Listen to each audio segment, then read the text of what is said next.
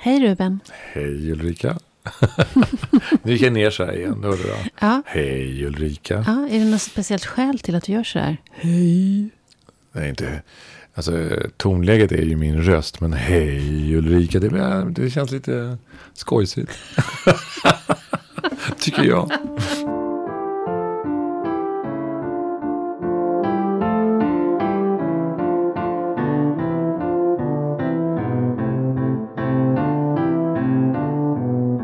Hur är läget?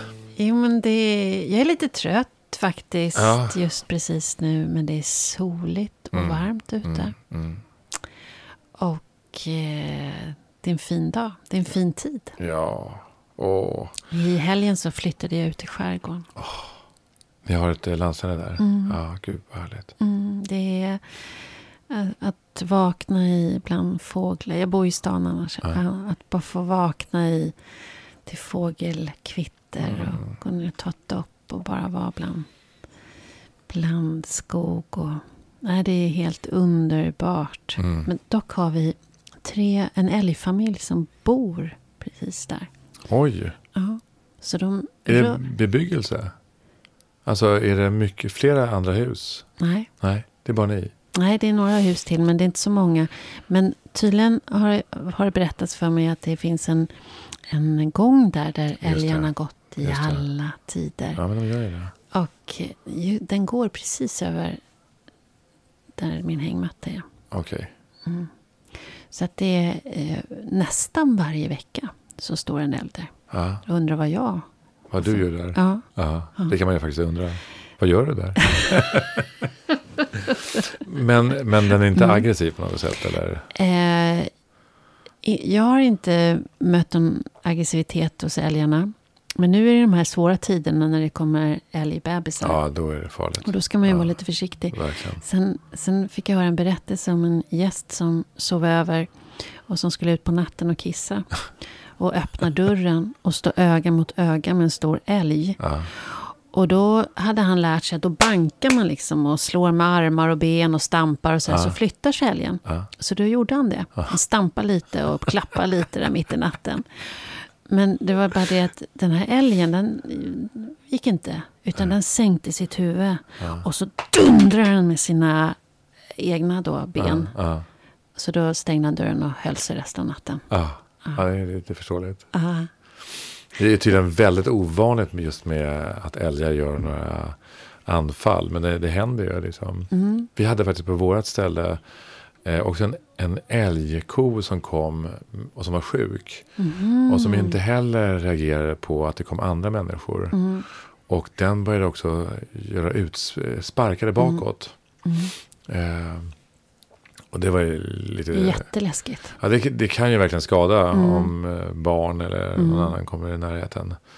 Men då kom, faktiskt, då kom ett, ett jaktlag Mm. och tog hand om den här älgen. Det var lite sorgligt faktiskt. Det var jävligt sorgligt. Mm. Men det, Men faktum är att den, jag har ju sett att eh, eh, på hösten när de äter äpplen. ja, Då kan de också bli lite knepiga. Alltså. De kommer ju väldigt nära. Ja. Alltså, de ska ju vara rädda för människor. Det. det. blir inte bra när de kommer...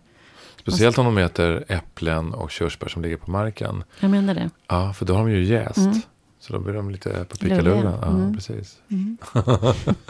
Fulla älgar, alltså det är fan, det måste vi, det är ett samhällsproblem. ja. Men du, vi pratade om att vara eh, sann mot sig själv. mm. Eh, och att när man hamnar i, eh, i situationer där det utmanas. Mm. Pratade vi om lite förut. Vad, du, då sa du till mig så här, att du har bestämt dig för att du ska leva ett liv där du är sann mot dig själv. Eller hur sa du? Hur uttryckte det? Jag fel? Ja, det, det är väl i princip det som det handlar om. Att, att försöka vara sann mot mig själv. Det är väl det som är Och sann mot planen. andra då? Mm. Ja, det, det, det blir ju konsekvensen. Mm. Och att försöka vara så transparent som möjligt i mitt, mitt, mitt leverne. Mm. Hur jag Mm. lever. Och att... Eh, men då... Det, det, jag stöter ju på patrull mellan varven. Mm. Eh, där, eh, det, där, där en del av mitt, mitt eh, traumaarv gör sig till känna. Liksom, och, eh, där jag har en, eh, ett slags medberoende. Mm. Eh, som jag måste ta itu med tycker jag. Mm. Eh, för att ibland så blir det fel beslut helt enkelt. Eh, ja. Men det där med medberoende, för det har jag också haft en släng av. Eh, och det eh, berodde på ett trauma jag var med om en gång i tiden. Och som jag har eh, gått i terapi för. Och tycker väl att jag har blivit eh, hyfsat friskförklarad ifrån. Men så händer det situationer ibland där jag måste verkligen... Där jag inte riktigt vet mm. vad min röst... Om rösten är sann eller om rösten är i något medberoende. Just det. Och ibland så är det så... Och då behöver jag validera den med någon annan. Mm. Jag kan liksom inte själv bedöma. Är det här en adekvat röst? Eller är det här att det. jag är faktiskt i, i något annat tillstånd här? Ja. Det är en väldigt konstig känsla när man inte kan lita på sin egen röst. Nej. Om jag gör rätt bedömning eller inte. Om min reaktion är adekvat eller inte. Eller om det här handlar om ett eko. Eller vad man nu ja, kalla det för. Precis, precis. Jag, jag, jag, utan att du behöver gå in på detalj. Men det, det trauma som du eh, syftar på. Mm. Var det i vuxen ålder eller i barnålder? Det var i vuxen ålder. Men jag tror att det bottnade i ett barn. Okej. Okay. Ja, det är precis. Det är... Men att det blev förstärkt i vuxen ålder. Okay. Kanske hade det inte blivit det hade blivit i vuxen ålder om det inte hade funnits någonting att bottna nej, i. Nej, precis. Så tänk i alla fall. Ja. Men eh, det... Men, men jag tänkte på det här med sam mot sig själv. Och, och medberoende, medberoende i den bemärkelsen då att man tar mer hänsyn till den andras mm. behov mm. än sina egna. Att man mer går igång på systemet eller en annan person eller ja. familjen. Just eller vad det nu kan vara ja. behov. Om man inte lite kan hålla isär. Vems röst är det som talar nu? Ja, just liksom. det. Och eh, hur... När man, när man känner den där känslan, när man inte riktigt vet. Hur gör du då för att komma till... För att se att det här verkligen är rätt. Så att du inte fattar de där tokiga besluten mot fel underlag, liksom mot fel... Ja. Det, det, är, jätte, det, är, en, det är ett jätteämne tänker jag. Eh, men jag, för min del så är det ju en lång process som har lett fram till att jag idag har vissa verktyg eh, som jag mm. kan ta till. Mm. Och mm. eh, det handlar om att jag, eh, att jag har en dialog med mig själv. Mm. Och att jag eh, också kan se att ett visst reaktionsmönster hos mig själv inte är betingat av det som händer nu. Utan det är betingat av någonting som hade med någonting annat att göra tidigare.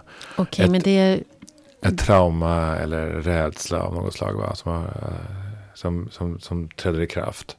Men det processar du alltså alldeles själv i, i ditt eget huvud?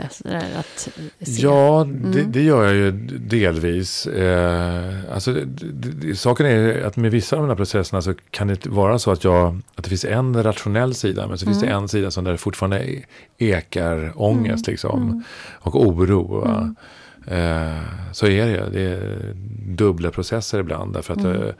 eh, allting eh, som jag förstår intellektuellt har inte, trillat, har inte polletten trillat ner. Mm.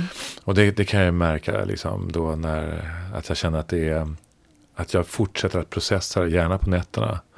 Eh, med drömmar eller mm. att vakna upp och så vidare. Och, eh, men jag har kontakt med det. Mm. Eh, och det är den stora skillnaden. Mm. Eh, det är jag som på ett sätt idag rider oron eller ångesten. Mm. Det, är inte, det är inte ångesten som rider mig längre på det sättet. Och det är en rätt stor skillnad. Mm. Eh, och det gör också att jag kan processa vissa saker på ett bättre sätt. Eh, och sen är det ju så att eh, vissa saker ser, blir inte aktuella förrän de faktiskt händer. Mm. Och då, eh, då kanske någonting redan har skett Mm. Eh, eller att det är någonting som hände för länge sedan. Mm. Då får man ta itu med det utifrån de förutsättningar som man har idag. Mm. Uh, och det kan ju såklart vara mindre roligt. Uh, men det, det, är ju, det är ju faktiskt så livet ser ut. Absolut. Uh. Men jag tänker att jag går en genväg då. Mm. Till skillnad mot dig då. Jag, För när jag hamnade där i det där tillståndet, vilket det hände faktiskt nu har det varit rätt länge sedan, men nu hände det igen. Mm. Alldeles nyligen. Mm. Att jag inte riktigt eh, förstod vilken röst det är som talar nu. Mm. Är det ångeströsten? Mm. Medberoende-rösten? Eller mm. är det faktiskt en helt adekvat en röst jag ska lyssna på? Mm. Eh, men då gjorde jag faktiskt så. Då hade jag, eh, ringde jag till några av mina närmsta vänner. Som känner mig utan och innan. Och som har varit med i alla tider.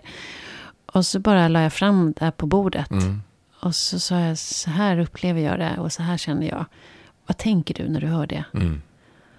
Och då sa jag, sa ju då allihopa, men det där är ju helt åt skogen. Ja, precis. Tänk om och tänk rätt. Ja.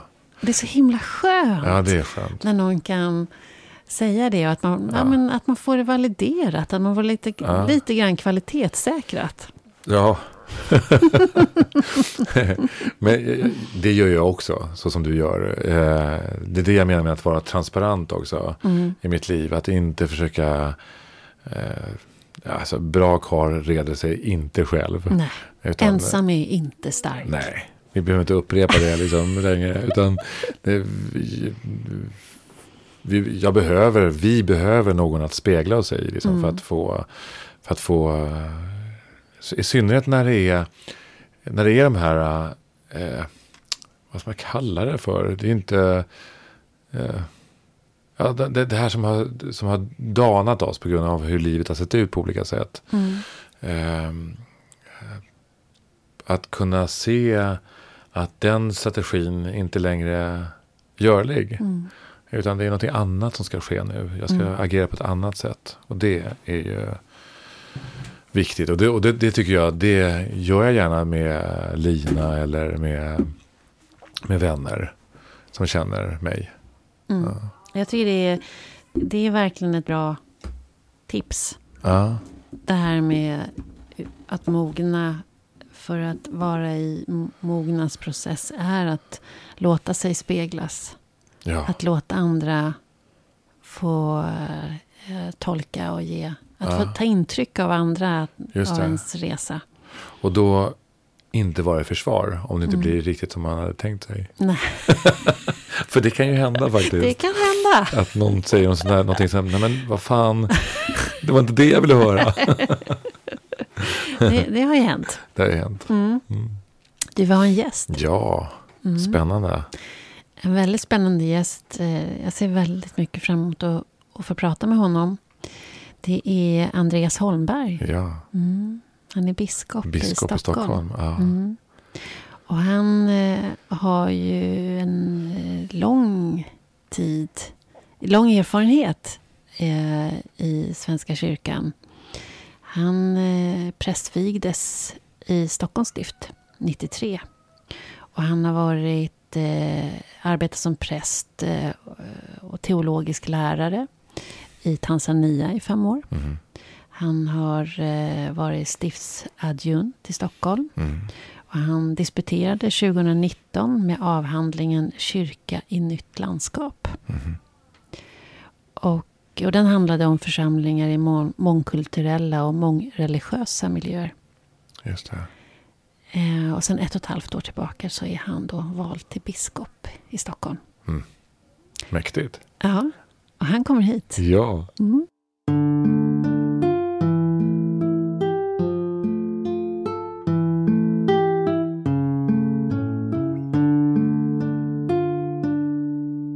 Varmt välkommen Andreas Holmberg till podd Mogna.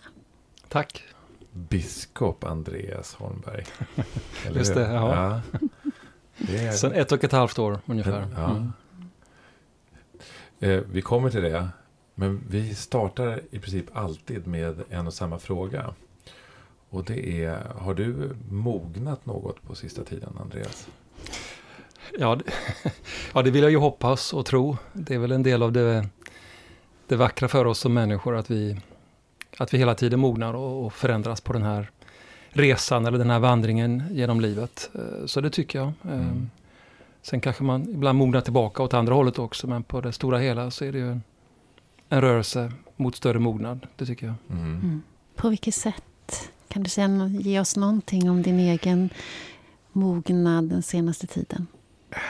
Ja, men jag, jag, den här erfarenheten av att bli biskop, vilket jag inte alls hade förväntat mig eller trott, har ju i högsta grad inneburit en, en, en stor resa för mig. En förändring på många sätt som har eh, pushat fram eller sporrat fram en, en, eh, en mognad kan man nog kalla det. Som, som kanske kan eh, kanske kan sammanfattas i att, i att leva mer överlåtet. Mm. Eh, och att i, i, större utsträckning vara bekväm med att inte ha kontroll. Eh, för jag, liksom tror jag många andra, liksom, gillar kontroll. Liksom. Det, det präglar vårt samhälle i rätt stor utsträckning. Men jag har verkligen inte kontroll i, i den här rollen. Utan mm. Lever i en slags otillräcklighet som tvingar mig till, till större beroende av andra och av Gud, eftersom jag har en tro på Gud. Eh, och som tar sig uttryck i en slags överlåtenhet, i att vara bekväm med att nej, men jag vet inte hur det här ska gå riktigt, men, eh, mm. men jag har, känner ändå en stilla glädje i det. Oj, det var starkt. Att leva i överlåtenhet. Ja. Att, att inte veta hur det går, inte kunna ha kontroll, utan ändå överlåtenhet är för mig då någon slags tillit. Ja, det är en slags tillit. Mm. Och då låter pretentiöst, inte som att jag lyckas med det varje dag eller varje stund, men, men, eh, men det är en resa som jag befinner mig på i högsta grad. Mm. Det är det. Mm. Var, var det att, gå, att göra det, att komma, konstatera för dig själv att nej, men, jag får den här överlåtenheten eller tilliten, jag får förhålla mig till det och vara i det. Var det, en, var det svårt att komma dit? Ja, det, det är svårt eh, till och från hela tiden. Det, det, kan ju låta lite... Ja, det kan låta väldigt pretentiöst, men, men, men det, det, det är en övning, det är en träning. Mm. Att varje morgon, jag inleder varje morgon med, med bön och sådär. Att eh, jag ser en dag framför mig, ofta en lång dag med, med kanske utmaningar, svåra samtal eller att tänka att nej men, eh, det jag är, de gåvor jag har, de brister och tillkortakommanden jag har, ställer jag till Guds och människors förfogande och eh, litar på att det ska bära. Mm. Uh, Men det ja. är inte någonting som har kommit i och med att du har blivit biskop. Det är, är det någonting som du, eller har, menar du att det här har kommit för dig som biskop?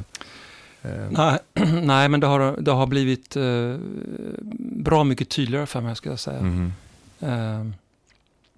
Mitt, mitt djupa beroende av goda krafter, goda människor runt omkring mig.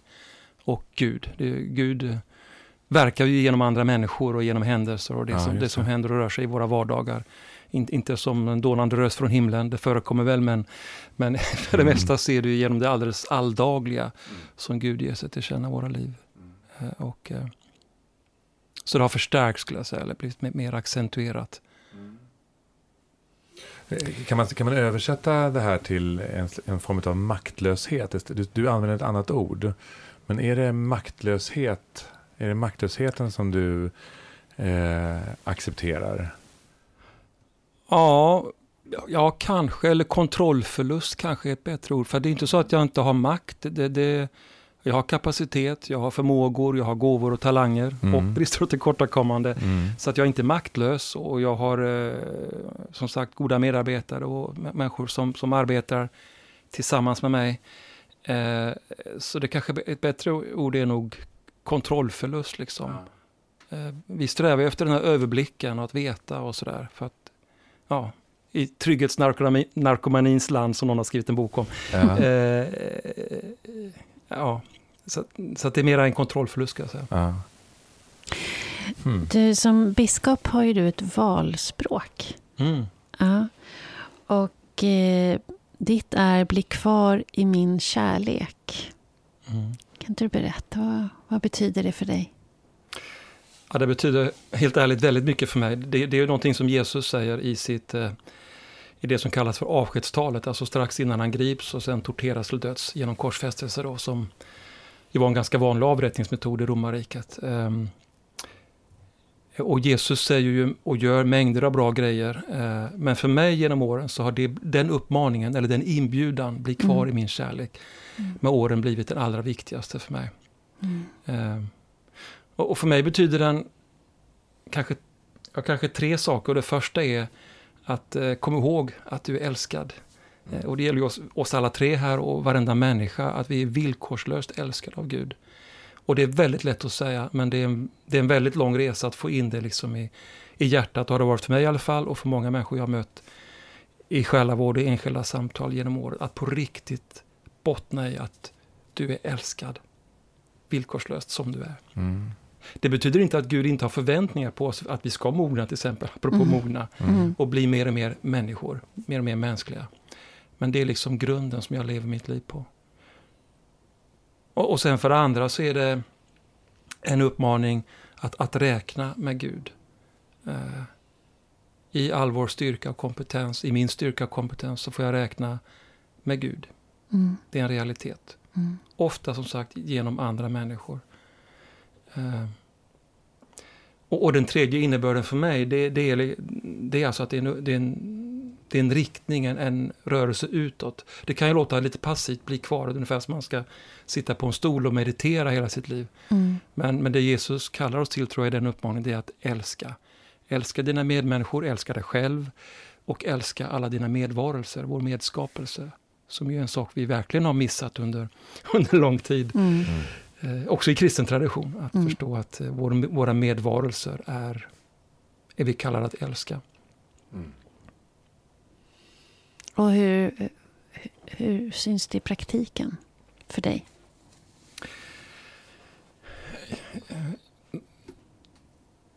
Ja, men att, att räkna med Gud. Mm. Jag, jag, lever ju bön mm. och det bön kan ju vara en aktivitet, att man sätter sig ner eller och sådär. Men bön för mig är mycket en slags, nästan som andning på något mm. sätt. Något slags ständigt pågående.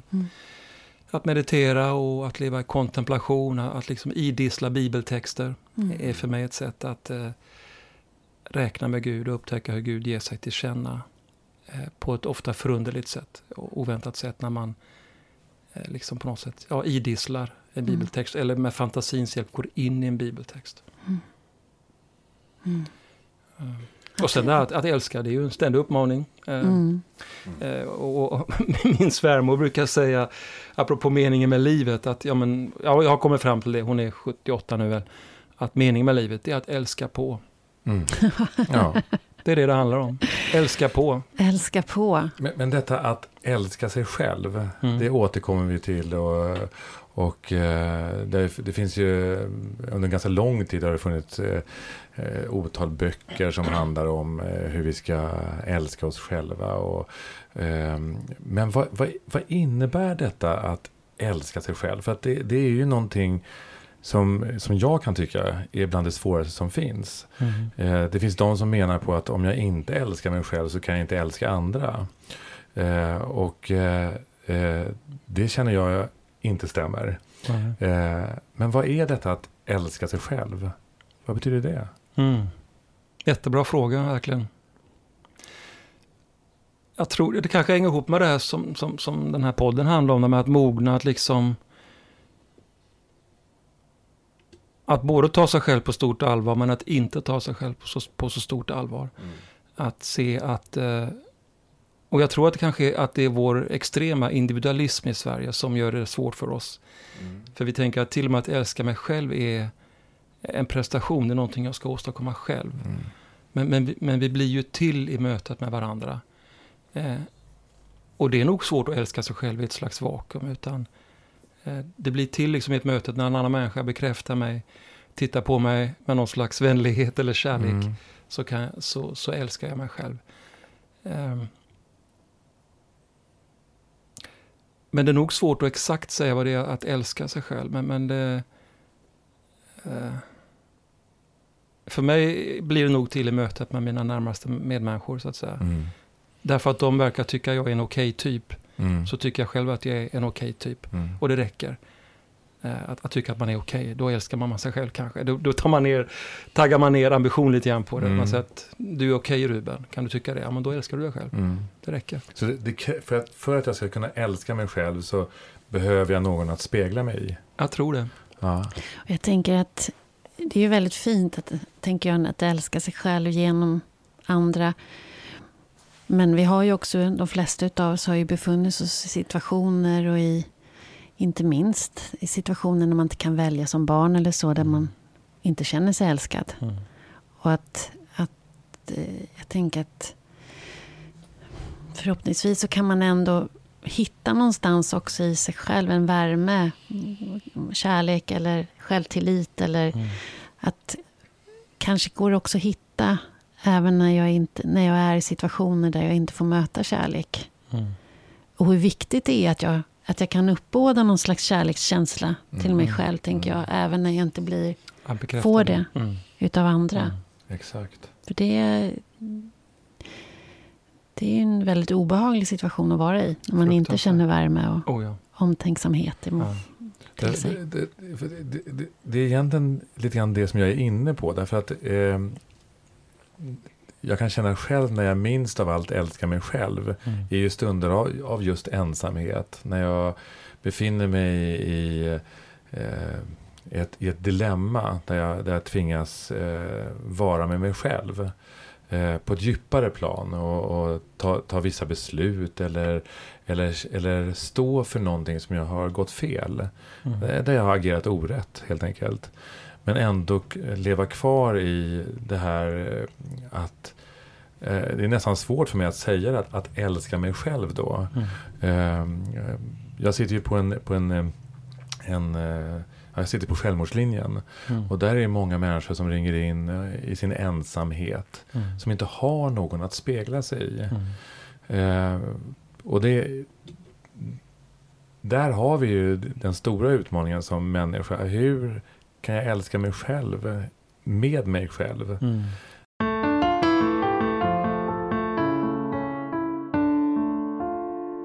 Ja, men jag kan känna igen det här. Eh, Jag, jag är, någon gång per år så brukar jag vara på retreat, alltså att vara i tystnad några dagar. Och eh, de som inte har varit på retreat tänker att åh, det låter jätteskönt, liksom spa Mm. för själen och bara få vara själv och, och sådär. Och, och så kan det vara ibland, men ofta har retreater för mig varit otroligt tuffa perioder. Mm. Det har varit, jag, var på lång, jag kommer ihåg en retreat för ett antal år sedan som var fem, sex dagar. Och jag grät större delen av den, Mm. av den tiden. Mm. Eh, och kände mig inte särskilt älskvärd. Nej. Nej, men det är så, så, det så är. att det är ofta som du säger, när, när vi inte får den här spegeln så kan det bli svårare. Och jag tror då, eh, det är min egen erfarenhet och jag har också mött människor i samtal som, att apropå då bli kvar i min kärlek, att, att få hålla fast vid att ja, men jag har svårt att tycka om mig själv. Men Gud tycker om mig. För Det är ju inte bara till mig Jesus säger, utan det säger ju Kristus till varje människa. Mm. Bli Mm. kvar i min kärlek. Mm. Eh, jag älskar dig, du behöver inte älska dig själv. Eh, jag gör det. Mm. Mm. Eller om ordet älskar känns för stort så kan man säga, jag gillar dig. Mm. Jag du är okej liksom. Mm. Mm. Good enough. Mm. Det tycker jag är ett viktigt uttryck i mitt Mm. liv. Good enough. Eh, Men är det så då att eh, du som med din starka tro aldrig egentligen är riktigt ensam? ja, jag skulle faktiskt säga det. Ja. Det kanske låter övermaga, men så är det. Jag, jag känner mig inte riktigt ensam. Nej. Det betyder inte att jag inte har haft mörka stunder i mitt liv. Dödsskuggans dal, Mm. som det kallas i en av de här berömda salta salmerna. Eh, men jag har inte känt mig helt ensam, helt övergiven där. Mm. Men det kan man göra som troende människa. Det, det är inte så att man är... Eh, att det skulle vara en omöjlighet för en människa med Guds tro att känna Mm. sig övergiven. Det gjorde ju Övergiven. Kristus. Min Gud, min Gud, varför har du övergivit mig? Mhm. Så Gud vet själv hur det känns. Mm. In på bara skinnet att vara helt off, så att säga. Nu har jag lust med många teologiska frågor här. I och med att du pratar om, om, om både Jesus som Gud och det, hela den här treenigheten. Men det, det, det, det, hinner vi inte. Nej, Det får, det får bli en annan podd. Men, ju- Men det är, det är intressant i alla fall. Det är jätteintressant. Du, när du klev in här så frågade jag dig hur, hur du ville tilltalas. Om du ville tilltalas som biskop Andreas. Och då sa du nej, nej, inte här, inte i det här forumet. Mm. Och så sa du, jag brukar presentera mig som pappa och morfar och Mm. make. Och... Hur, hur förhåller du dig till titeln biskop? Mm. Ja, med stor ödmjukhet och tacksamhet. ehm, eh, som jag sa så var jag uppriktigt förvånad att jag blev vald. Man blir ju vald till biskop i Svenska kyrkan. Ehm, och kände nog att va, hur, hur ska en sån som jag, det säger för övrigt Moses, som är en text jag precis har mediterat över, ni vet Moses och brinnande busken, om Mm. ni känner till den bibeltexten. Då säger han, hur ska en sån som jag kunna gå till farao och befria mitt folk? Nåväl, så har jag känt. Eh, så att ehm, det känns som ett stort förtroende. Eh, jag känner en väldig glädje över det. Eh, och även om erfarenhet av otillräcklighet finns där så finns det mm. faktiskt, min grundton är en stilla glädje mm. över det. Och ja, en tacksamhet att ha mm. fått det här uppdraget, det här förtroendet. Mm. Men det låter, när du sa sådär så, så tänkte jag att, att är det en central del att inte bli alltför personifierad i det. Utan att du är också massa annat. Ja, absolut. Att, så är det ju. Mm. Eh, och, och, det är ju väldigt viktigt. Eh, när jag studerade till präst för många år sedan i Uppsala så hade jag en själavårdare som sa det. Kom ihåg det Andreas att din första kallelse när du blir präst, det är inte att vara präst. Mm. Utan det är att, att vara, om du har nära relationer, din, din, din livskamrat, dina eventuella barn. Det är din första kallelse. Mm. Det finns allt för många människor som liksom har offrat sin familj, sina nära, på, på, i Guds namn eller mm. i kyrkans tjänst eller något mm. sånt där. Mm. Eh, så att det är min första kallelse, liksom det är allas första kallelse, att, att värna de nära relationerna och, och vara ansvarig där. När, när du tillträdde som biskop så um, har jag läst att uh, du efterlyser att du dels uh, ett större samtal kring Jesus och också tron mm. på Jesus. Mm. Men också tron uh, har du poängterat att du vill eh, jag vet inte om du har uttryckt det på det sättet, men höja statusen för tron. Att ha en, en, en, en större diskussion kring tron i församlingen. Eh, är det någonting som du, har, som du anser att eh, Svenska kyrkan eh, har saknat? Nej, inte att vi har saknat tro, men, men det här, mm, det andra som jag sa apropå att bli kvar i min kärlek, att räkna med Gud. Det kan jag, har jag ibland upplevt. Jag har ju varit församlingspräst i många år och jobbat utomlands i en annan, i en annan kyrka i Tanzania och då får man ju liksom en slags eh, kontrastbild. Mm. Eh, där är tron och räknandet med Gud så självklart därför att man, det är en fattig kyrka och det är ett fattigt land. Eh, Svenska kyrkan är en rik kyrka, vi har gott om anställda, vi har mm. gott om pengar fortfarande, även om det nu krymper snabbt. Och det kan locka oss till att liksom eh, lita på vår egen förträfflighet, våra mm. egna höga utbildningar och kompetenser bland medarbetare. Eh, så att ibland har vi levt och verkat som om Gud inte var en del av eh, vårt arbete och vårt liv. Så att säga. Mm. Så att det, jag tror att det är det som, du, som jag syftar på mm. utifrån det du refererar till. Att, att räkna med Gud på ett tydligare sätt. Mm. Mm. Så en större andlighet? Ja. ja att, precis. Ja, att, att Gud är här och nu. Eh, det, det är det pingsten handlar om som vi precis har firat. Ja. Att Gud inte sen någon gång. Eller förut någon gång. Och vi behöver inte åka till ett ashram i Indien eller till en retreatgård i Sverige för att möta Gud. Utan han är i det här rummet. Mm. Och, och, hemma hos oss allihopa och så vidare. Eh, så att liksom en större medvetenhet om att så är det. Mm. Du behöver inte besöka kyrkan för att möta Nej, Gud. nej. Mm. Mm. Och det har varit väldigt aktuellt nu under pandemin såklart, när mm. kyrkorna har i och för sig varit öppna, men vi har inte kunnat samlas som vanligt. Men många mm. människor har ju sökt upp kyrkorna eh, fysiskt också, på, eftersom de har varit öppna många timmar. Men, men också, ni har, jag har läst att ni aldrig haft så mycket besökare nu när ni har slagit upp de digitala mm. portarna. Mm. Eller? Att det finns en... Att det har funnits en, en, en längtan eller en, en, eh, ett sökande eller mm. vad man nu ska ju, försöka tolka det som mm. uttryck. Mm. Att, att man söker upp det. Söker upp kyrkan ja. i de här tiderna. Mm.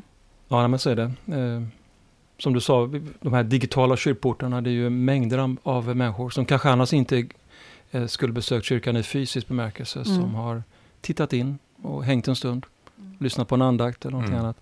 Eller meditation. Eh, eller deltagit i en samtalsgrupp. Eh, och sen så, så gått hem igen inom mm, citationstecken. Mm, mm, mm. Ja, det är häftigt.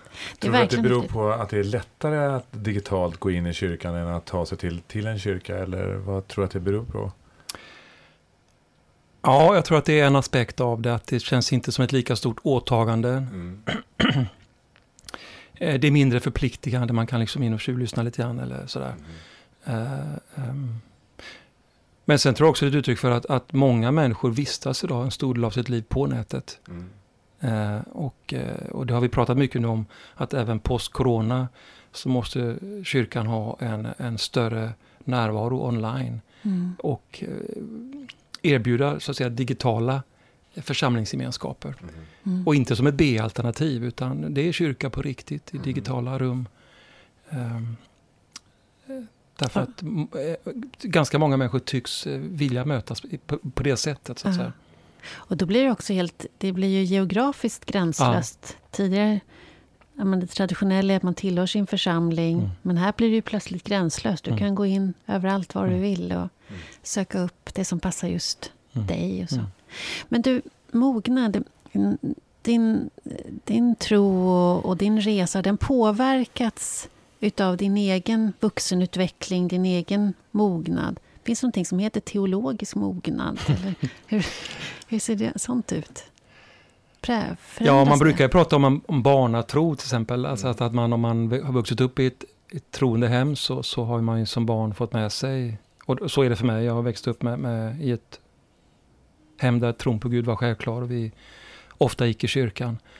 Um, så, att, så, ja, så det är en mognadsresa, absolut. Eh, från barnatro, sen kommer man till en punkt där man eh, förr eller senare måste fundera på vad tror jag då som, som, som 18-årig kille eller, eller vad det nu är, eller som kvinna.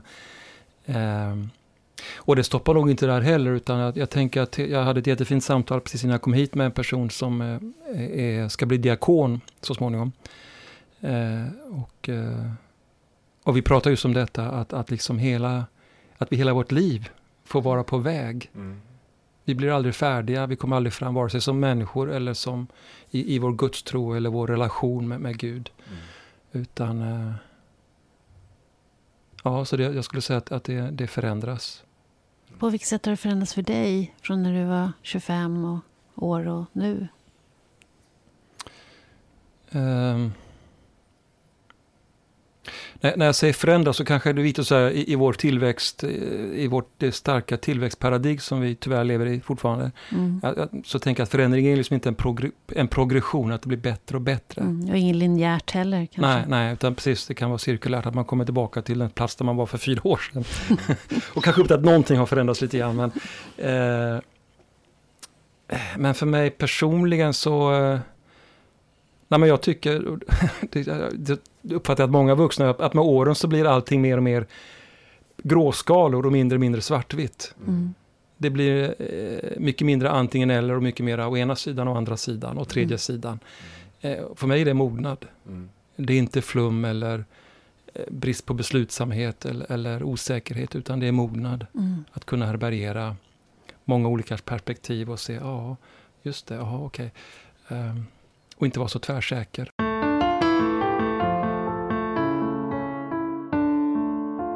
Det är lätt att tro som 25-åring, liksom brinnande kristen, att allas väg ser väl ut ungefär som min. Mm, mm. Men så är det inte. Utan allas väg ser, är, unik egentligen, tror jag. Mm. Är, är, det, är det ditt förhållningssätt även till andra trosuppfattningar, mm. andra religioner, andra sätt att leva på? Ja, alltså jag tror ju att Gud ge sig till känna också i andra eh, trosuppfattningar eh, än den kristna. Eh, däremot, men det är ju för att det, det, det är min bakgrund och min tro, så, så uppfattar jag att, att Jesus Kristus ger oss en unik inblick mm. i Guds hjärta, i Guds väsen. Som jag inte finner i, i andra eh, religiösa traditioner. Mm. Men de rymmer också mycket insikt och visdom om det gudomliga, om, om människans kallelse och liksom uppgift här i livet. Mm. Meningen och så vidare. Det finns i andra religiösa traditioner också. Men det är något speciellt, något unikt med Jesus Kristus, det tycker jag. Mm. Mm. Du är ju en andlig ledare. Um, och har ju ett andligt ledarskap eh, som biskop.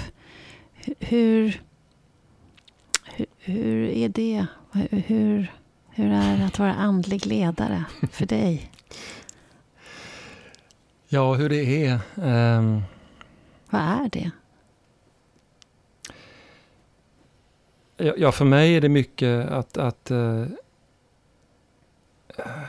det kanske låter paradoxalt, men att inte peka på mig själv eller ens på kyrkan utan på Kristus. Mm.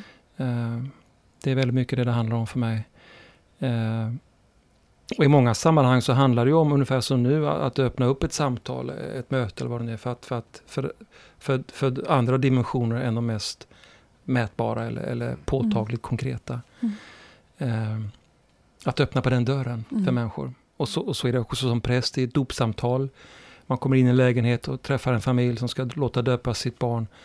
Eh, och, och, då kommer inte jag dit med Gud utan tillsammans i ett samtal så kan man ofta, så, så upptäcker vi tillsammans att jaha, ja, Gud, Gud har ju funnits i era liv hela tiden. och sådär. Mm. Så, att, så det är väl att vara ett andligt ledarskap, att, att öppna upp och hjälpa människor att se att eh, det, det gripbara, det mätbara, det materiella är en viktig aspekt av verkligheten, men det finns andra dimensioner. Mm. Och det är inte förunnat några få präster eller, eller särskilt utbildade, utan varje människa.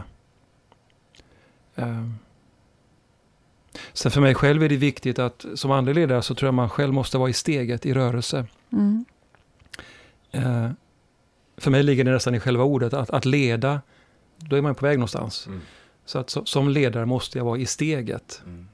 Uh, annars om jag står still så kan jag inte leda någonstans. Jag kan möjligtvis peka så, va? men en ledare ska ju själv också röra sig. Um. Och vart är du på väg då? Ja, det vet jag som sagt inte riktigt. Jag har inte riktigt kontrollen.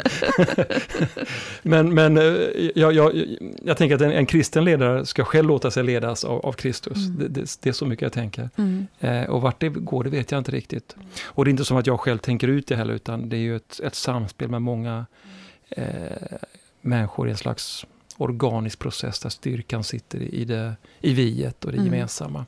Mm. Överhuvudtaget tycker jag att kristet ledarskap eh, utmana många av, de kanske ganska etablerade bilderna av ledarskap som finns mm. i övrigt i vårt samhälle. I management. Ja, och som du, jag vet att du har skrivit om och sådär i, i, i, dina böcker. Um, eh, alltså myten om den, den, ensamma starka ledaren som mm. vet och som tar ut riktningen och alla hänger på glatt. Um, ledarskap för mig är mycket mer kollektiv mm. process. Mm.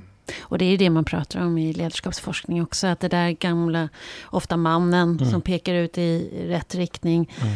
Att det, det, går inte i en förändlig värld Nej. som inte går att ha kontroll över. Nej. Utan det handlar om att skapa förtroende. Mm. Att, att vara ett föredöme. Mm. Att eh, vara inspirerande men också eh, personligt engagerad. Mm. Att vilja att mm. andra ska lyckas, vilja att andra väl. Och att andra känner det så att de väljer att själva att ta rygg. Mm. Istället för att bli, order, bli beordrade att ta rygg. Mm.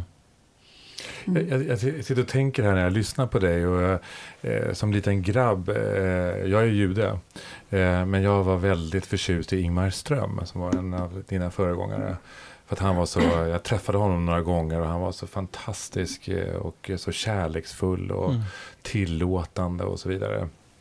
Eh, och sen eh, på ålderns höst så satt han ju på Ersta eh, och han var på Ersta sjukhem där. Okay. Eh, och eh, gjorde några fantastiska intervjuer som där han fortsatt, fortsättningsvis var eh, så fantastiskt kärleksfull. Och för mig var det alltid så att han var aldrig en, han var en gudsman för mig. det var inte liksom, han, han var inte eh, definierad av kyrkan på ett sätt. Även fast han också var biskop, precis mm. som du. Vilket var så, också så minns jag då att det var eh, eh, det var Pridefestivalen och eh, det var väldigt mycket som hände runt omkring. Och, var, och då ställde man eh, honom en fråga. Och han, var, han måste ha varit 80-årsåldern. Eh, så sen, hur, hur ser du liksom på det här med homosexualitet och att, att de, jag har Pridefestivalen på det här sättet? Och han eh, eh, svarade att i, i, min kyrka så är alla välkomna. Mm. Och det fanns också någonting väldigt eh, eh följsamt i det tycker jag. Eh, och då, då, tänker jag så här. Det är en gammal kyrka som du är ledare för. Mm. Eh, del, del, delledare för. Eh, du refererar till Bibeln, att du kontemplerar kring Bibeln, som också är en uråldrig... Eh, och något, allting som är uråldrigt måste ju inte vara bra eller Nej. sant. Och vårt, vårt samhälle utvecklas med rasande fart på olika sätt. Och vi har också haft andra gäster som har, haft, som har bytt kön. Eh, och andra som, som menar på att de inte har något kön och så vidare. Mm. Och hur, hur förhåller sig en institution som Svenska kyrkan och du i den, framförallt du, mm. tänker jag, det är det mest intressanta, till, till de här förändringarna. Hur kan man förhålla sig till det på ett, på ett eh, lyhört sätt? Ja, men det är en utmaning för kyrkan i alla tider, alla länder och kontexter. Och, och, själv är jag ju oerhört tacksam för den resa som Svenska kyrkan har gjort i den här frågan på ganska kort tid. Så det, det är inte så många decennium sedan eh, Svenska kyrkan liksom tog avstånd från homosexualitet och tyckte att det var, mm. var synd. Och Socialstyrelsen definierade det som en sjukdom och så vidare. Det är inte så länge sedan ju. Mm. Och även Svenska kyrkan har gjort en, en, en, en, en omfattande resa på det som jag är väldigt tacksam för. Och, och inte minst min företrädare, min närmaste företrädare, biskop Eva Brunne, har ju personifierat på något sätt den resa som Svenska kyrkan har gjort i att bejaka och förstå att eh, all kärlek är av Gud. Mm. Även den mellan två människor av samma kön. Mm. Uh, och att detta med ge, att genus inte är uh, så, så, hugget i två kategorier, så att säga, dikotomt. Mm. Du, du är man eller kvinna. Utan att, uh, Men hur, hur, hur förhåller du dig då till det som står i Bibeln? när det gäller de här frågorna. Mm. Blir, blir det en konflikt? Ja, det kan det vara potentiellt därför att eh, Bibeln är ju skriven, ja den har en ganska lång tillkomsthistoria på sådär 1500 år då, eh, fram till ungefär 100 år efter Jesu död, den sista boken. Men, eh, så den är ju präglad av sin tid och kontext och det är, den är ju skriven av människor, den är inte, eh, vad säger man, dikterad. Mm -hmm. det, det, är inte, kristen bibel, vi, vi ser ju inte på Bibeln som en dikterad bok. Mm. Um, det gör man ju i muslimsk tradition. Mm. Koranen är ju dikterad så att säga. Vi tänker att den är skriven av ett ganska många, stort antal människor så att säga under, under lång tid. Och därför måste den tolkas och förstås i ljuset av sin samtid. Och där kan ju kristna hamna i olika slutsatser och, och så är det ju eh, också idag. Så finns det ju andra kyrkor som har, har en annan syn än Svenska kyrkan. Eh, både på hbtqi-frågor men också på eh, kan kvinnor vara präster till exempel, mm. om man ska ta ett mm. klassiskt exempel. Eh, så att det kanske inte är en konflikt, men, men mera en, en tolkningsfråga, ska mm. jag säga. Absolut. Så Bibeln är alltså inte en gudomlig bok?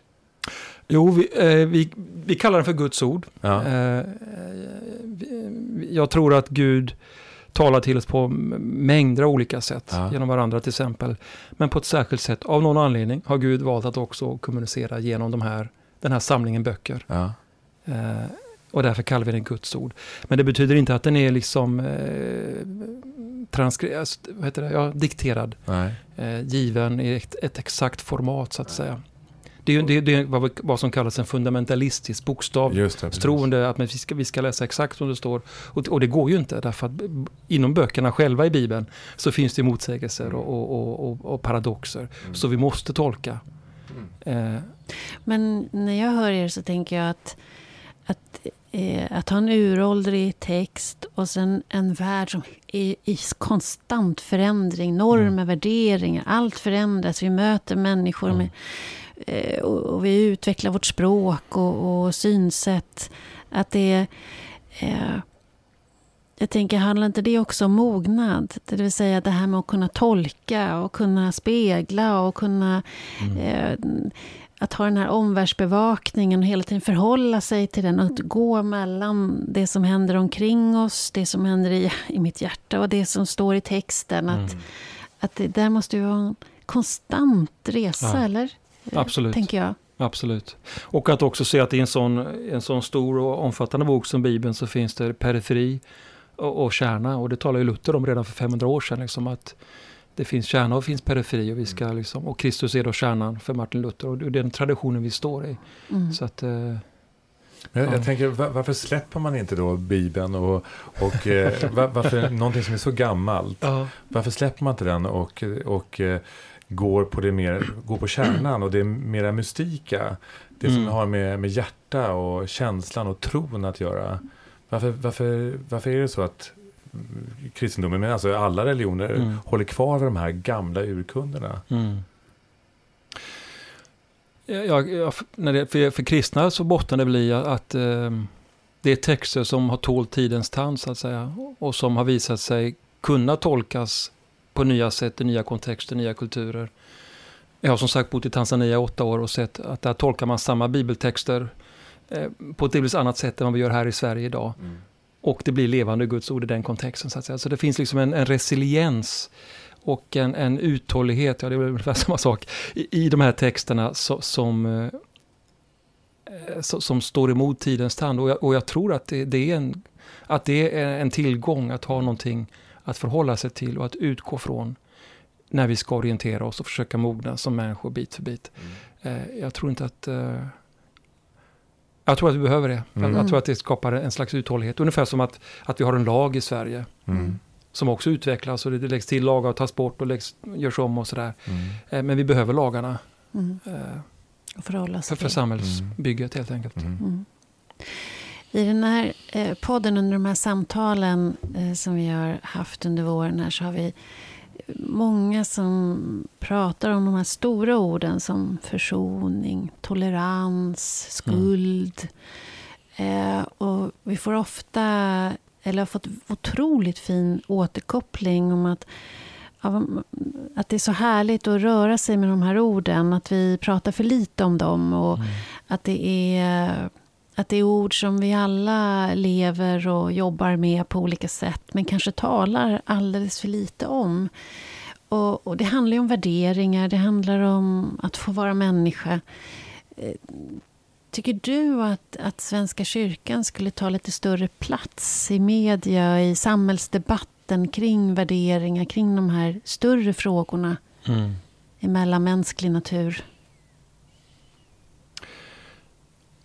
Ja, det, det, det, kan jag nog tänka mig. De där orden kallas ju ibland för stororden. Alltså Eh, för, försoning som du sa, mm. Eh, nåd, barmhärtighet, gästfrihet. Alltså, och jag tror att, eh, jag vet inte om just specifik kyrka, men det är klart att i kyrkan finns ju en tradition av att prata om de orden och försöka klä dem med innehåll och innebörd liksom mm. konkret. och det, det, det, tror jag är ett, av, skulle, är ett av kyrkans stora bidrag, att, att kunna prata på det. Det finns en oförsonlighet idag. Verkligen. Eh, jag tänkte på något färskt drev här. Vad hette han som köpte sex? Paolo Roberto. Paolo Roberto, ja. Eh, naturligtvis en, en helt, helt, oacceptabel handling, men samtidigt den oförsonligheten så att säga. Och då, liksom, ja, då är det verkligen antingen eller. Mm. Hela samhället säger att du är fel, mm. du är dum, du är värd att förkastas. Det är inte en kristen hållning. Mm. Eh, så så tillvida tror jag att eh, den kristna berättelsen om upprättelsens möjlighet, förlåtelsens, försoningens möjlighet är viktig. Eh, om jag får ta en bibelberättelse till så har vi ju den här när, när, när man släpper fram en äktenskapsbryterska, en kvinna som har varit otrogen sin man mm. framför Jesus fötter. Mm. Och så säger Jesus, ja, den som är utan skuld ska kasta första stenen. Mm. Och först, de, de, som är lite mer mogna och lite äldre, de går först därifrån. Och till slut så släpper också ungtupparna sina stenar och fattar, okej, okay, jag är inte heller perfekt. Jag har också mm. gjort dumheter i mitt liv. Mm. Och det är inte det att Jesus säger att, inte, att, det, att det var okej, okay, det gör ingenting att du gjorde sådär. Utan han säger gå och synda inte mer. Men han pekar också på eh, att vi alla brister, så att säga. Mm. Så, så det, det, det, är en, viktig berättelse, en av många viktiga berättelser som handlar om detta. Verkligen. Försoningens möjlighet. Och, Överhuvudtaget tycker jag det kanske är en brist på mognad i, i, i, en del av samtalsklimatet idag. Att det är så väldigt antingen eller. Det är så väldigt svartvitt. Mm. Det... Ja, verkligen. Och, och, det har vi pratat mycket om. Mycket. Eh, just att vi är så snabba på att döma. Mm. Att vi är så snabba på eh, att peka ut den som har gjort bort sig. Trots att vi alla gör det. Mm. Eh, titt som tätt. Och att, eh, ja, vi gör ju det. Att, att, vara förövare kan vi alla bli, precis som vi kan bli offer. Och mm. att vi rör oss mellan alla de här mm. eh, att tillstånden. Och, och, att faktiskt också eh, vi kan vara en och samma person, kan både vara förövare mm. och offer. Precis. Eh, att det, mm. det ser vi också. Och, mm. eh, eh, nu tog vi upp det här exemplet då med, med, med det här sexköpet. Men där tycker jag ju att där kan man ju se att, det är, att förövaren är ju också på ett sätt ett, ett offer. Mm. Ett offer för vissa omständigheter som gör att han missbrukar eh, en annan människa på det här sättet. Mm. Eh, och jag tänker att det här att vi är så snabba på att döma är ju för att det är mycket lättare. Mm. Det är mycket lättare att döma ut någon, att aldrig förlåta. Mm. Eh, inte i längden egentligen, för det är ju rätt ont att inte förlåta. Eh, gå och bära på ilska gentemot mm. någon eh, kan man tycka ger energi, men det, det tar ju en väldig mm. massa energi. Mm. Men den som har gjort orätt måste ju också försonas med det den har gjort. Mm. Och på något sätt göra bot. Mm. Hur gör en, eh, om, det, om det, vi tar det här exemplet, hur, vad anser du? Men hur, hur ska en sån människa göra bot? Ja, det är en jättebra fråga. Jag, har egentligen svårt att uttala mig om det specifika fallet, om honom. Och, och, så. Men, men, men, men, där det är möjligt så, så är det ju den som man har, alltså offret, om det finns ett brottsoffer. Mm. Så där det är möjligt, men det är ju inte alltid möjligt, långt ifrån alltid, men där det är möjligt så ska man ju söka försoningen, förlåtelsen från den eller dem. Mm. Men det vet vi att försoningsprocesser i Sydafrika och andra länder, att mm. det, det, går inte alltid att göra. Eh, ja. Men som sagt, jag kan inte egentligen uttala mig om Nej. det specifika fallet. Eh. Jag tänker på det här med förson... Men, men förlåt, jag håller med om att, att eh, förlåtelse får inte bli billig heller, får inte bli billig nåd. Det är det, så, så det. Så, så, det här med bot, det är ju roligt att du säger ordet, för det är ett ord vi knappast använder idag. Eh, men, men, men det, det, är också ett, ett, ett, ett, ord som finns i både judisk och kristen tradition, mm. att göra bot så att säga. Men i det finns ju också en nåd, för mm. då, då, finns det ändå möjlighet. Det är inte kört, jag har gjort, jag har gjort bort mig. Mm. Jag har stulit, jag har dödat en människa, jag har liksom förskingrat pengar. Men jag kan göra bot, jag kan ställa till rätta. Mm. Och sen är jag fri. Mm. Men får man, inte, får man inte möjlighet att, att göra bot, då blir man heller kanske inte fri. Mm. Mm. Det är viktigt.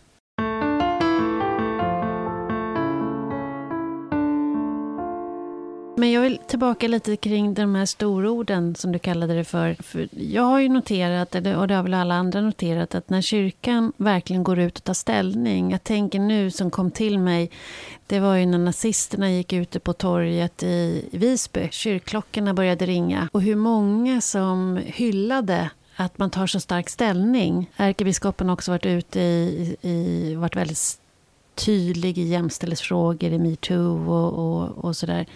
Att i de här stora frågorna, att vi alla får ha rätt att få vara här, att vi mm. alla har rätt att få vara den vi är, att, mm. att, eh, att när eh, kyrkan går ut och, och, och, tar så stark ställning så blir det en väldigt positiv kraft. Mm. Ja, men det, så kan det nog vara och samtidigt så är det både min egen erfarenhet och, och kanske biskopskollegors erfarenhet att när man då som jag, skrev en debattartikel i Expressen mm. för kanske ett par månader sedan tillsammans med en biskopskollega. Eh, där vi utifrån ett par bibliska berättelser och den judisk-kristna traditionen av gästfrihet mot främlingen mot den andra eh, skrev att vi tycker att de ensamkommande ska få amnesti, att de ska få stanna här. De har mm. kanske inte asylskäl. So what, de har varit här i fem år. Mm. De vill bidra. Mm. Vad är problemet? Mm. Men då får vi massor med mejl och sådär. Och, och, en del väldigt otrevligt och sådär, bara dynga. Men också de som menar att, att, att, vi, att vi är politiska, att vi tar politiskt mm. att vi är partipolitiska. Mm. Ni är vänsterpartister eller ni är någonting annat. Eh, Medan vi då menar, nej, vi, vi är kristna, vi säger mm. detta utifrån vår kristna övertygelse. Mm. Att, att, detta är, menar vi, vad vi tror att Gud vill av oss och förväntar mm. av oss som samhälle. Mm. Och vi påstår inte att man måste tycka så som kristen, för att vara kristen, absolut mm. inte. Eh, men det blir lätt svartvitt, också mm. även där så att säga, och eh, anklagelser om partipolitik och sådär. Och att man, man springer Socialdemokraternas ärende, eller Moderaternas ärenden, eller någon annans ärenden. Eh, så det, det, är en svår balansgång. Eh, och, och, ibland är det kanske lättare då om det är väldigt tydligt. Men, ehm, vad svårt det måste vara när jag hör dig beskriva det. Vad svårt det måste vara att, att eh, kunna gå ut med ett budskap som man tror på och som man står upp för och som man tycker är viktigt. Som i andras öron blir någonting annat. Mm. Mm. Mm. mm. Och, och, då är ju risken att man idkar självcensur, eller man säger nej men jag orkar inte, jag bryr mig inte om det, det spelar ändå ingen roll och sådär. Och det, och det, det, det är en reaktion som, som att försöka undvika. Mm. Att fortsätta säga, men ibland med en dåres envishet, nej men jag tror att det här är, jag tror att det är rätt. Mm. Det mm. Och där, jag tänker att det handlar också om en form av, av självkärlek. Att vara sann mot dig själv. Att, mm. att vara sann mot, i det här fallet, din tro. Att det här är vad Gud eh, vill av mig. I det här fallet. Jag tänker att i situationer där samhället blir ogästvänligt. Mm. Eh, som vi ser tendenser på i, i Europa. Eh, mm. Inte minst i vissa där, där kyrkan också har gått ut rätt hårt. Mm. Inte just svenska kyrkan, men eh, om man tar Polen till mm. exempel. Mm. Eh, där det har varit extremt ogästvänligt mm. och eh, människofientligt ska jag säga, och kärleksfientligt. Att kunna stå för sin egen tro eh, och sin övertygelse, det, det, är så otroligt viktigt.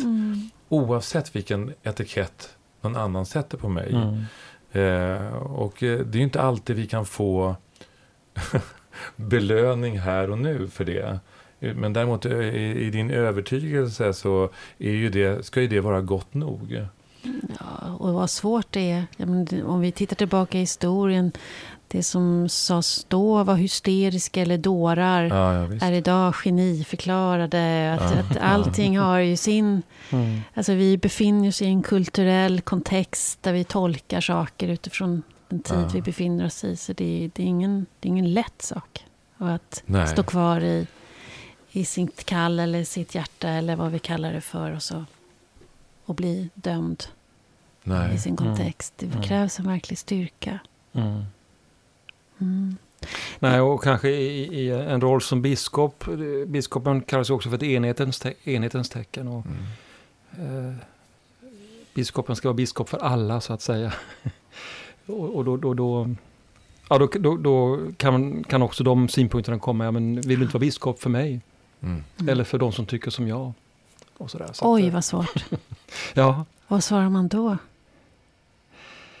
Jo, det är klart att jag vill eh, och, och, och försöker vara. Men det betyder inte att jag behöver tycka så, som du tycker i, i vad det nu är för, för mm. fråga. Mm. Uh. Du är välkommen att följa mig om du vill, helt enkelt. Ja, just det. Ja, det är upp till ja. dig. Ja. Ja. ja.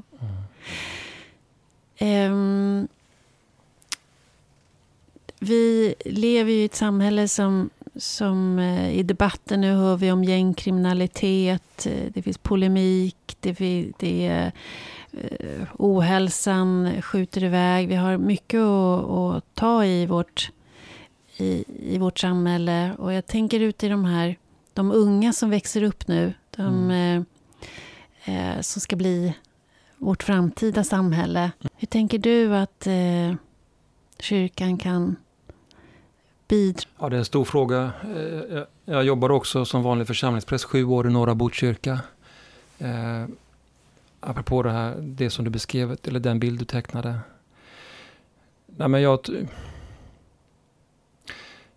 eh, jag tror en, en viktig sak kanske i vår tid, jag håller med den, den bilden du tecknar av en slags polariserande kraft. Och, att, att, eh, eh och jag tror ett viktigt bidrag för troende människor överhuvudtaget, inte bara för kristna, det är ju att eh, styrkan i, i vi, så att säga, i det mm. tillsammans. Eh, jag, jag, tycker att, att Sverige har liksom gått in i individualismens återvändsgränd. Individualismen har gett oss jättemycket eh, och är viktig och vi ska liksom inte kasta bort den, absolut inte. Men vi har tagit det för långt. Mm. Och jag tror att vi som samhälle liksom behöver återupptäcka eh, styrkan i, i, och det vackra mm. i, i, ord som vi, oss, tillsammans, vår. Eh, och att det är mycket mer meningsbärande ord än jag, mig, min och ditt. Mm. Det, det, är liksom trötta ord. Mm. Jag får ingen energi av de orden. Mm. Men vi tillsammans liksom. Um, och, och, det kan ju låta flummigt att säga så, men jag tror på allvar att, att vi behöver utma utmana individualismen. Och unga, Kairos Future gjorde en undersökning för inte så länge sedan som visar det att, att, eh, att där finns det, det finns en väldigt trött, samtidigt som man sitter fast i den här extrema individualismen som ung människa, så är man också hjärtligt trött på den. Mm. Man har svårt att liksom hitta, vad är alternativet då? Eh, och där tänker jag att, eh, att bland annat kyrkorna, kyrkan har eh, visat på ett alternativ. För vi vet, vi har 2000 års erfarenhet mm. av att styrkan sitter i, i viet, i, i det gemensamma. Inte att tänka att vi är öar allihopa. Mm. Den här Swedish Theory of Love, vi känner till den, den, den är ju skrämmande alltså. Ja, ja. Men den är väldigt to the point tycker jag. Liksom, mm. att det är först om jag är helt oberoende av dig mm. som jag kan älska dig på riktigt. Mm. Det är ju befängt. Det är befängt. Det är märkligt. Det är verkligen befängt. Ja. Vi ska avrunda. Eh, vi brukar ställa en fråga till alla våra gäster om eh, om vi nu tror på någon slags vuxenutveckling, någon slags mognad, att det, mm. att det är någonting som är fruktbart för oss. Hur ska vi göra för att... Vad, vad, vad, kan, vad tror du kan påverka att vi i vårt samhälle mognar? Mm.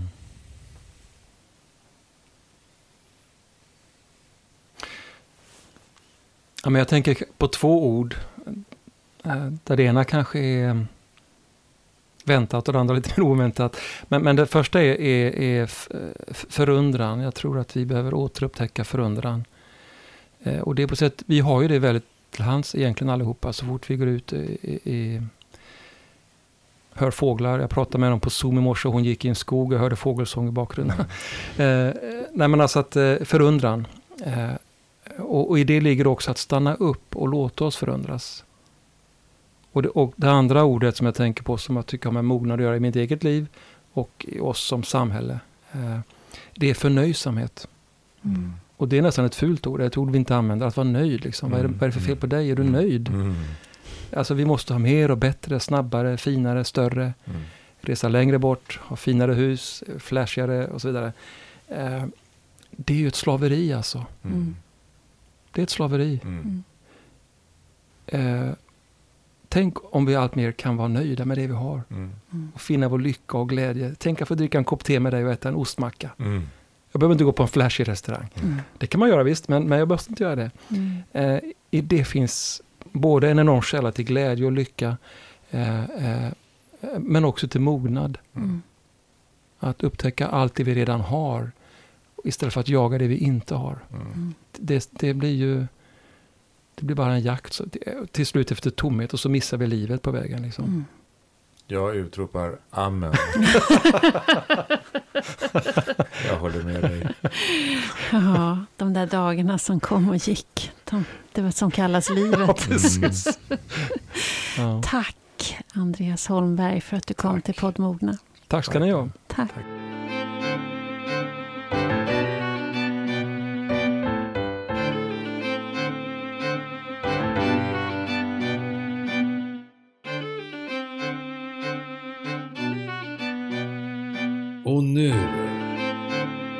Arturs reflektioner.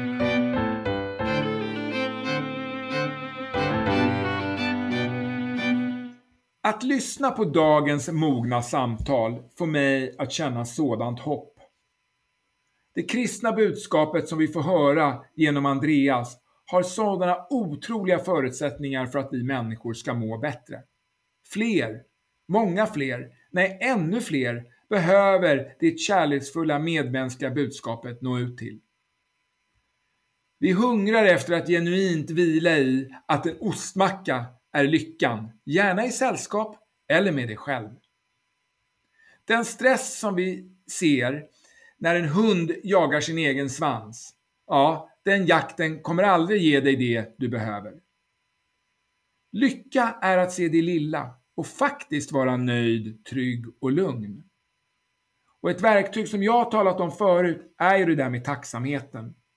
Att bara börja med att vi faktiskt lever i ett land där vi i många stycken får våra basala behov tillfredsställda med råge.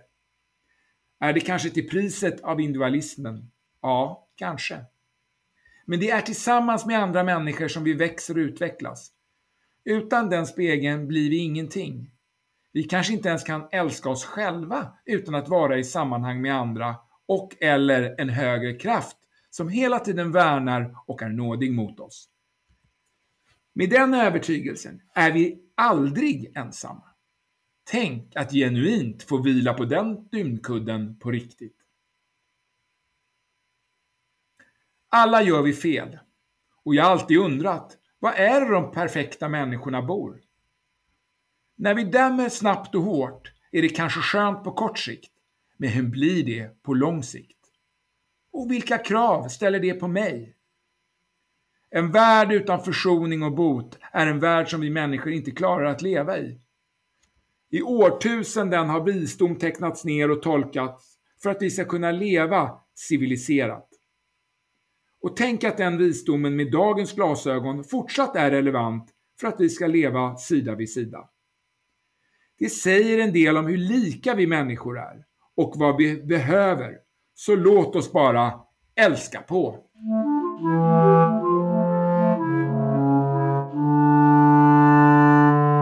Tack Arthur. Tack Andreas Holmberg, Ja. Stockholms biskop. Mm.